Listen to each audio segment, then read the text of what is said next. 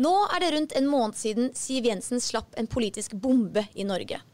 Partilederen fra Fremskrittspartiet annonserte at hun ikke tar gjenvalg som partileder, og i tillegg gir seg som stortingspolitiker. Til sammen ble det 24 år i rikspolitikken.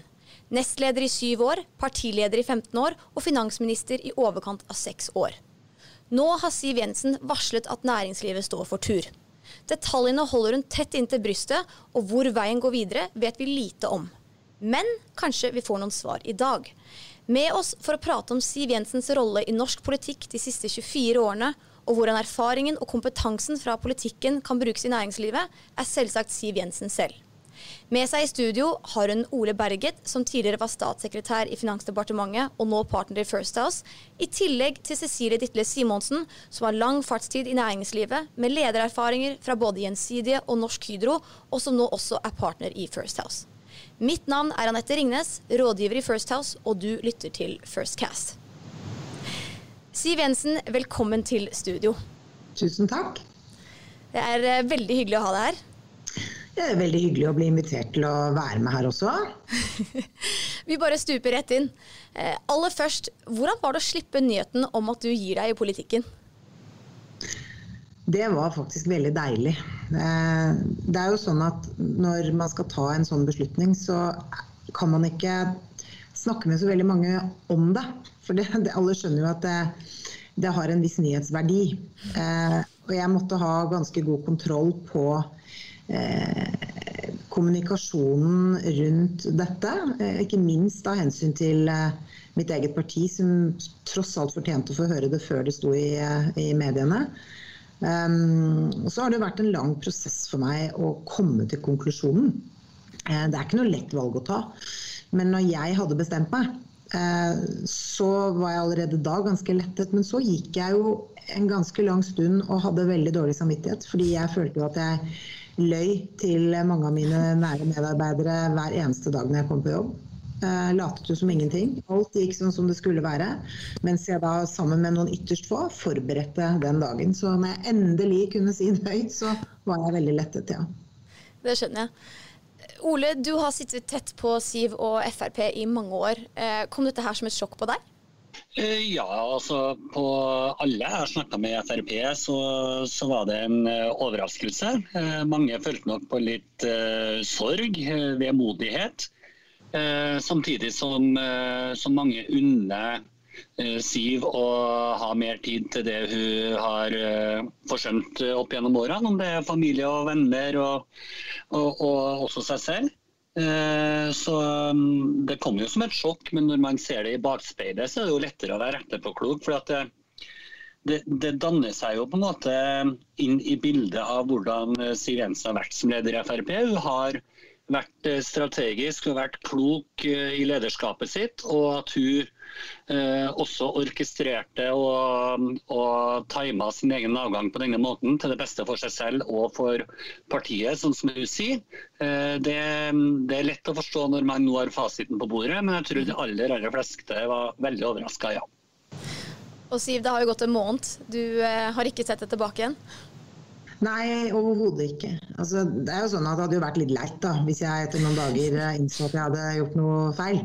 Men uh, jeg var veldig trygg på min beslutning. Og nå har jeg jo egentlig da gått fra å si, være i spiss til å bli litt sånn backoffice. Uh, holde meg litt mer i bakgrunnen uh, og jobbe med å overføre kompetanse. Jobbe med organisasjon, jobbe med, med ledelse, egentlig. Så blir det jo en og annen visitt i mediene allikevel. Men mindre og mindre av det, og mer og mer kompetanseoverføring. Men altså, 15 år som leder, det er jo veldig lenge. Det må jo ha medført noen ganske solide oppturer og nedturer. Og du har jo gjennom denne perioden her klart å holde et parti som egentlig alltid har blitt sett på et, som et ganske markant opposisjonsparti, samlet både som et opposisjonsparti, men også som en del av Solberg-regjeringen. Kan du dele noen litt sånn overordnede betraktninger om hva som var de største utfordringene, og kanskje noen av de beste øyeblikkene fra å lede en stor partiorganisasjon i så lang tid? Det der er jo et uh, vanvittig stort spørsmål å besvare, da. Men uh, jeg, jeg, tror um, Det er klart det jeg har vært mest imponert over når det gjelder partiet mitt, er jo evnen til å omstille seg. For det er klart å gå fra å sitte i opposisjon i så mange år som Fremskrittspartiet gjorde, til å egentlig over natten eh, få regjeringsansvar med alt det det innebærer. Eh, det, da har du ansvar for absolutt alt, også det du helst ikke vil snakke om eller ikke vil drive med. Eh, jeg syns jo at vår organisasjon, tross den bratte oppoverbakken, lærte veldig fort. Men på tilsvarende måte så var jeg har vært imponert over vår evne til å forlate posisjonsrollen og gå tilbake i opposisjon. Det tar jo tid, begge veier selvfølgelig.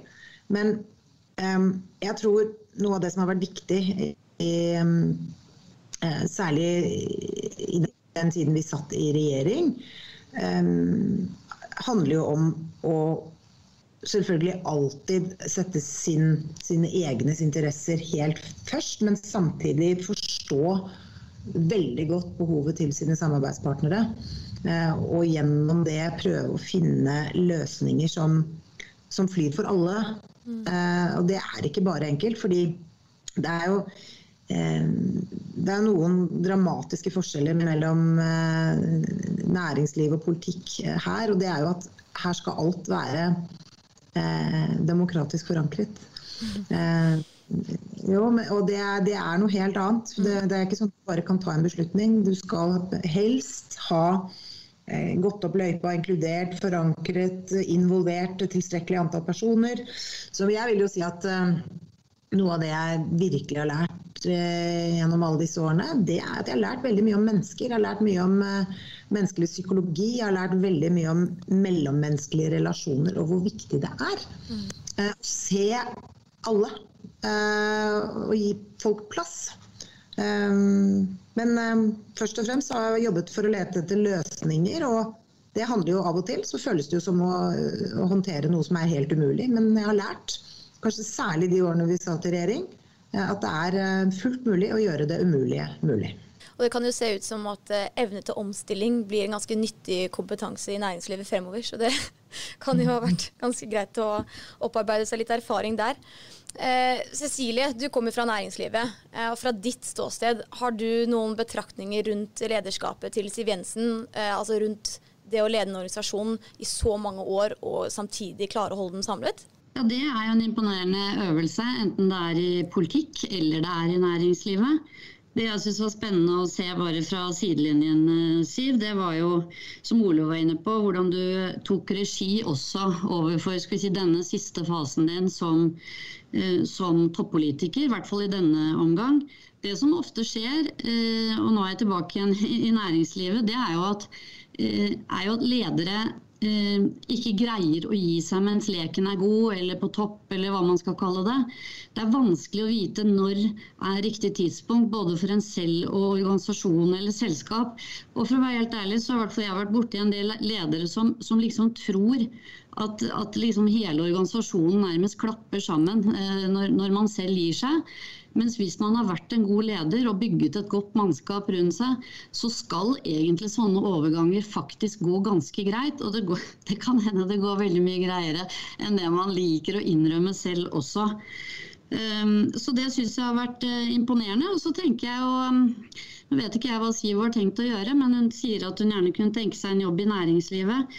Og det jeg tror kanskje næringslivet dessverre eh, har litt for liten respekt noen ganger for hva man faktisk lærer eh, i politikken. For det er jo virkelig reell toppledelse, det er organisasjonsutvikling. Det er jo på mange måter forretningsutvikling når du leder et parti og skal sørge for både fornøyde medlemmer, eh, nye medlemmer og ikke minst ivareta alle de interessentene, for å kalle det det, som et parti eh, også forholder seg til, bare for å liksom bruke næringslivets språk. Så det er utrolig mange relevante overføringsverdier som jeg, jeg tror ikke alltid næringslivet tenker på. Men eh, kjenner jeg Siv Jensen rett, så er hun ganske bevisst på hvordan hun skal få frem de. Og det blir veldig spennende å se hva du skal gjøre videre, Siv. Ja, for Siv, du har jo jobbet eh, tett på næringslivet både som stortingspolitiker og finansminister. og Vi var jo så vidt inne på det. Men eh, hva vil du si liksom, er det viktigste næringslivet i Norge trenger å lære om politikken? La meg først si at jeg syns eh, det er ganske stor forskjell på det næringslivet jeg møtte for oss si 15-20 år siden til nå. For da var det ganske mange eh, si, amatører som tilnærmet seg politikken når de hadde ønsker som de, de ville at politikerne skulle eh, forholde seg til. Så nå syns jeg at det har blitt ganske annet. Jeg opplever at næringsaktørene og organisasjonene har en litt altså bedre forståelse da, av hva, hva politiske beslutningsprosesser er. Men um, la meg ta et eksempel da, som jeg av og til har humret veldig mye av. Det er jo når, når eh, statsbudsjettene eh, legges frem. Så har jo f.eks. NHO de har jo alltid sitt overordnede mantra i forhold til at pengebruken må være moderat. Eh, det er det første punktet. Og så kommer det 20-30 punkt etter det som utelukkende handler om å øke utgiftene. Og det har jeg påpekt noen ganger, at uh, det, det regnestykket går ikke opp. Det går ikke opp. Um, så er det nok av og til sånn at uh, næringslivet av og til glemmer å forstå at politikerne uh, lever av velgere. og det betyr at det er alltid fremst i pannebrasken, tror jeg, på de aller fleste politikere. Det er hva mener man er opptatt av. Og det å klare å forene eh, behovene til eh, forutsigbare, konkurransedyktige rammebetingelser for næringslivet og de forventningene og kravene som til enhver tid stilles fra ulike grupper i samfunnet, det er ikke alltid veldig lett. Eh, og så er det nok også sånn at det man må huske på når man henvender seg til politikere, det er at jeg kan f.eks. sitte i et Teams-møte med en, eh, en, gruppering og være veldig enig i det de eh, løfter. Mm. Men det er ikke derved sagt at Fremskrittspartiet kommer til å innta det standpunktet. Fordi, jo, men vi skal ha demokratiske prosesser rundt hva vi skal eh, lande ned på. Vi har et partiprogram vi skal forholde oss til. Um, og det, er, og det, partiprogrammet er heller ikke alltid konsistent. Det kan være to vidt forskjellige budskap som spriker, som man skal prøve å finne ut av. Og så er det mye følelser i politikken. Masse følelser. Det er ikke alltid rasjonelt, det som pågår. Så det tror jeg er viktig for næringslivet å tenke litt på eh, når de henvender seg til partiene. Ja, Cecilie, du ser jo på dette fra den andre siden. Er du eh, enig med Siv? Altså, hva er det næringslivet kan eh, lære av politikken, og vice versa? Hva kan politikken lære av næringslivet? Ja, jeg skjønner jo i hvert fall veldig godt hva Siv snakker om nå. Og det å klare å skal vi si, forene ulike interesser. Det å håndtere den balansekunsten det er å være leder, den er jo på mange måter det samme i næringslivet. Hvis du er toppleder i et stort selskap, en stor organisasjon. Du skal ha med deg en ledergruppe. Du skal sikre at de ulike divisjonene, enhetene, føler at de er med på en beslutning, forstår den, skjønner rasjonalet. Eh, det samme gjelder kall det eksterne interessenter, som skal, eh, som skal, på en måte ha en aksept for det som gjøres. Så det er egentlig på veldig mange måter, eh, måter likt. Det som selvfølgelig er en forskjell, i hvert fall for de aller fleste ledere i næringslivet, de er jo ikke så synlige som det man er når man sitter i partileder i Fremskrittspartiet, så er forskjellen ganske stor. Fordi det skjer ufattelig mye i næringslivet som ikke når verken første, andre eller tredje sida i en avis.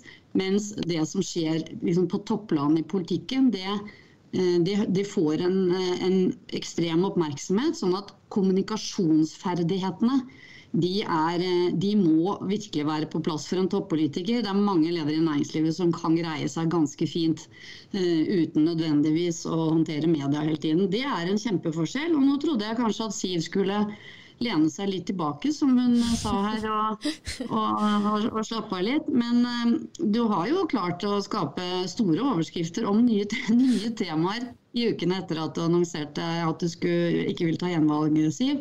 Så um, sykepleierne og lærerne tipper jeg er ganske fornøyd med deg akkurat nå. Men det er mange andre som ikke er det. Det må du si litt om.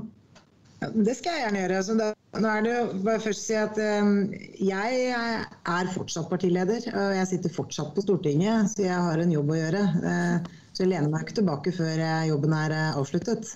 Det får være måte på. Men um, jeg vet at jeg har banet litt i kjerka. Men jeg, tror det var helt nødvendig for å få eh, få i gang den debatten. Jeg har jo ikke fremmet noe forslag i Stortinget om å blande meg inn i lønnsoppgjøret, og jeg mener at frontfagsmodellen over tid har vært veldig bra for Norge.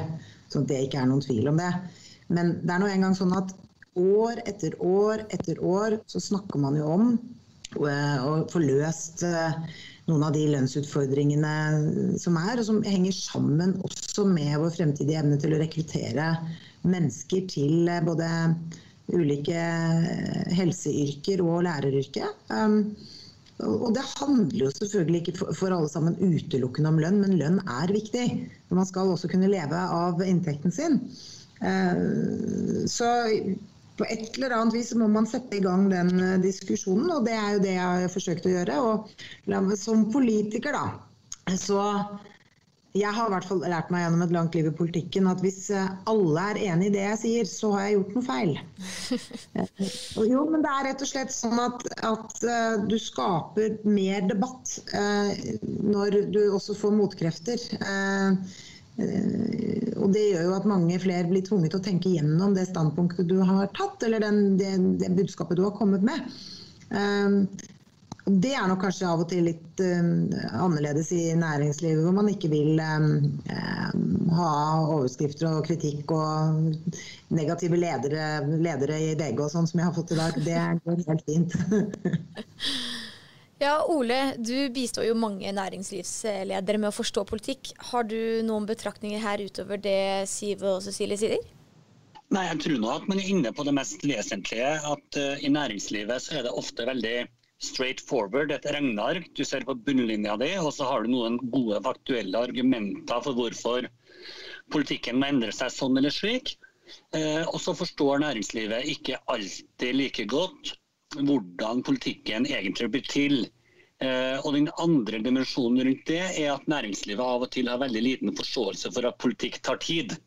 Eh, for de er vant med å ta en beslutning i sitt eget styremøte og iverksette umiddelbart, mens politikken ofte er svært lange prosesser med utredninger, eh, kommisjoner, stortingsmeldinger, før man lander på et veldig tydelig standpunkt i en sak, eksempelvis, eller hvis man skal endre noe. Eh, og Vi har jo en utredningsinstruks i Norge som er ment å kvalitetssikre store politiske beslutninger. og det, det, er ikke gjort på en uke, det. Selv om næringslivet er vant med at ting eh, går fort og effektivt når man har fatta en beslutning, så, så, er politikken mye mer langtekkelig.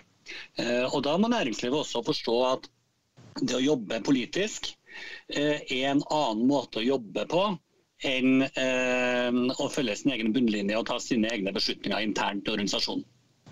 Så det kan noen ganger være litt vanskelig med litt sånn urealistiske forventninger? Ja, altså I en normalsituasjon så er det jo eh, veldig lange prosesser for å få eh, endra politikk og komme med, med tiltak som eh, næringslivet er opptatt av eller vil unngå. Det har vært veldig spesielt det siste året med, med koronasituasjonen. Selvfølgelig med nye krisepakker og nye tiltak eh, løpende. Så, så, der har jo norsk politikk vist seg fra en, eh, en veldig effektiv og god side, må jeg nå si. Eh, både regjering, men ikke minst storting, som har forbedra krisepakkene eh, i tråd med hva næringslivet har sagt har vært behovet. Så det har gått mye raskere å få politiske beslutninger det siste året hva som er normalsituasjon.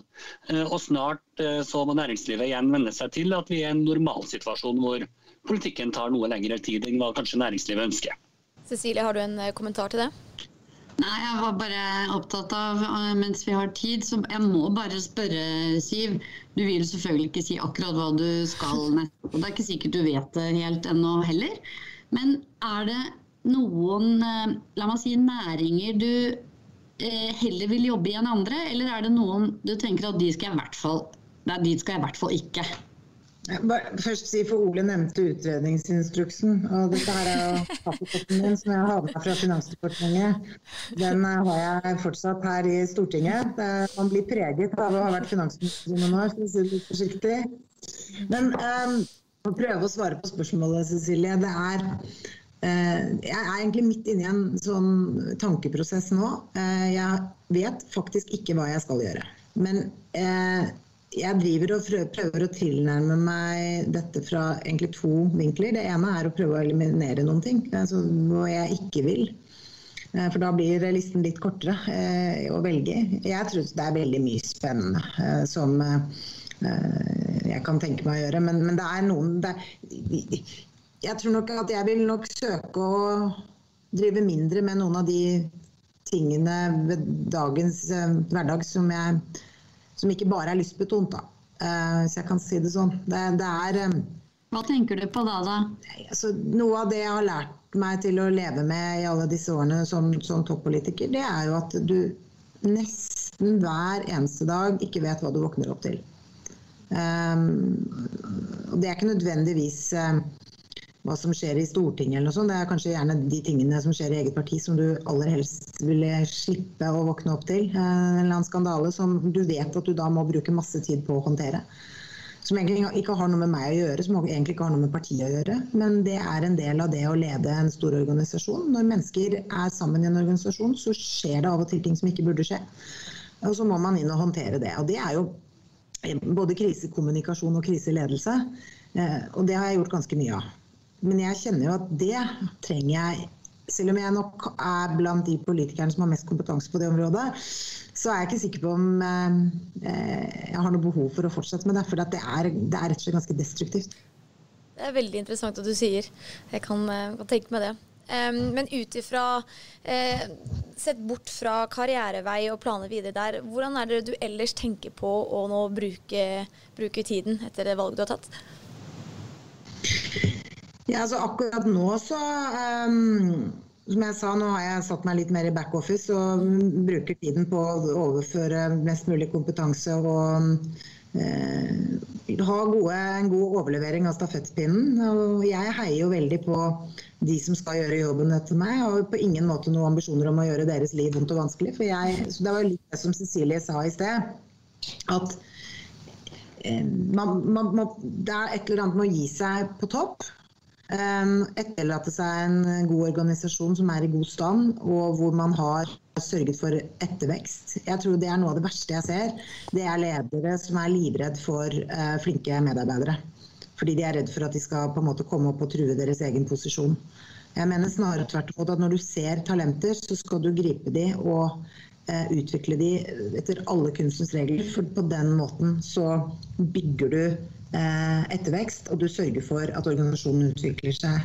Det er ingenting som vil glede meg mer enn eh, hvis Fremskrittspartiet gjør et, et knallvalg i september. Eh, det verste ville jo være hvis jeg satt og gisja meg hvis det gikk dårlig.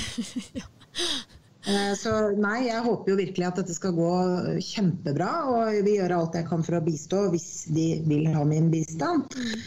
Men så vil det, Jeg får jo nå gradvis mer og mer tid, fordi når vi går inn i valgkampen, så er det jo ikke jeg som skal lede den uh, lenger. Det betyr en lang og god sommerferie. Um, jeg skal tilbringe masse tid med min uh, lille valp, som uh, ja. jeg får om noen dager. Og det gleder jeg meg til. Det er jo ledelse, det òg. Ja. Å strukturere hverdagen til en bitte liten valp. Det er liksom det første jeg skal gjøre. Og så skal jeg avklare om jeg skal skrive bok. Ja. Jeg eh, har veldig mange henvendelser på det. Og da handler det jo både om om jeg skal skrive, og hvis jeg skal skrive, hva ønsker jeg å fortelle. Eh, men det er noen rammer jeg setter for det også, fordi jeg har alltid vært opptatt av å være etterrettelig, skikkelig og til å stole på. Eh, og det er prinsipper jeg ikke har tenkt å bryte når jeg skal skrive en bok. Altså, jeg sitter og vet veldig mye om veldig mange som, blitt, eh, som jeg har lært eller fått vite om i fortrolighet. Den fortroligheten har ikke jeg tenkt å bryte.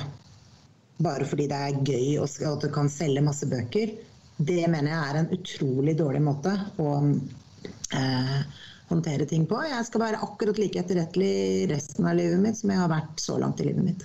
Altså, det blir i hvert fall eh, veldig spennende å følge deg videre. Og eh, vi er sikre på at uh, uansett hvor du lander, så vil du sette gode og solide fotavtrykk.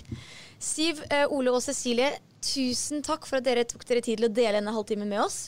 Og eh, hvis du har likt denne episoden, så følg oss gjerne videre. Vi er å finne både på Spotify, Apple Podcast og Google Podcast. Trygg på følgeknappen for å få siste episode av Firstcast rett inn på din foretrukne lytteplattform.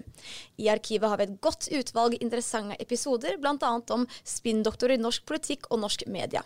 Tusen takk for at du lytter til Firstcast, og ha en riktig god påske.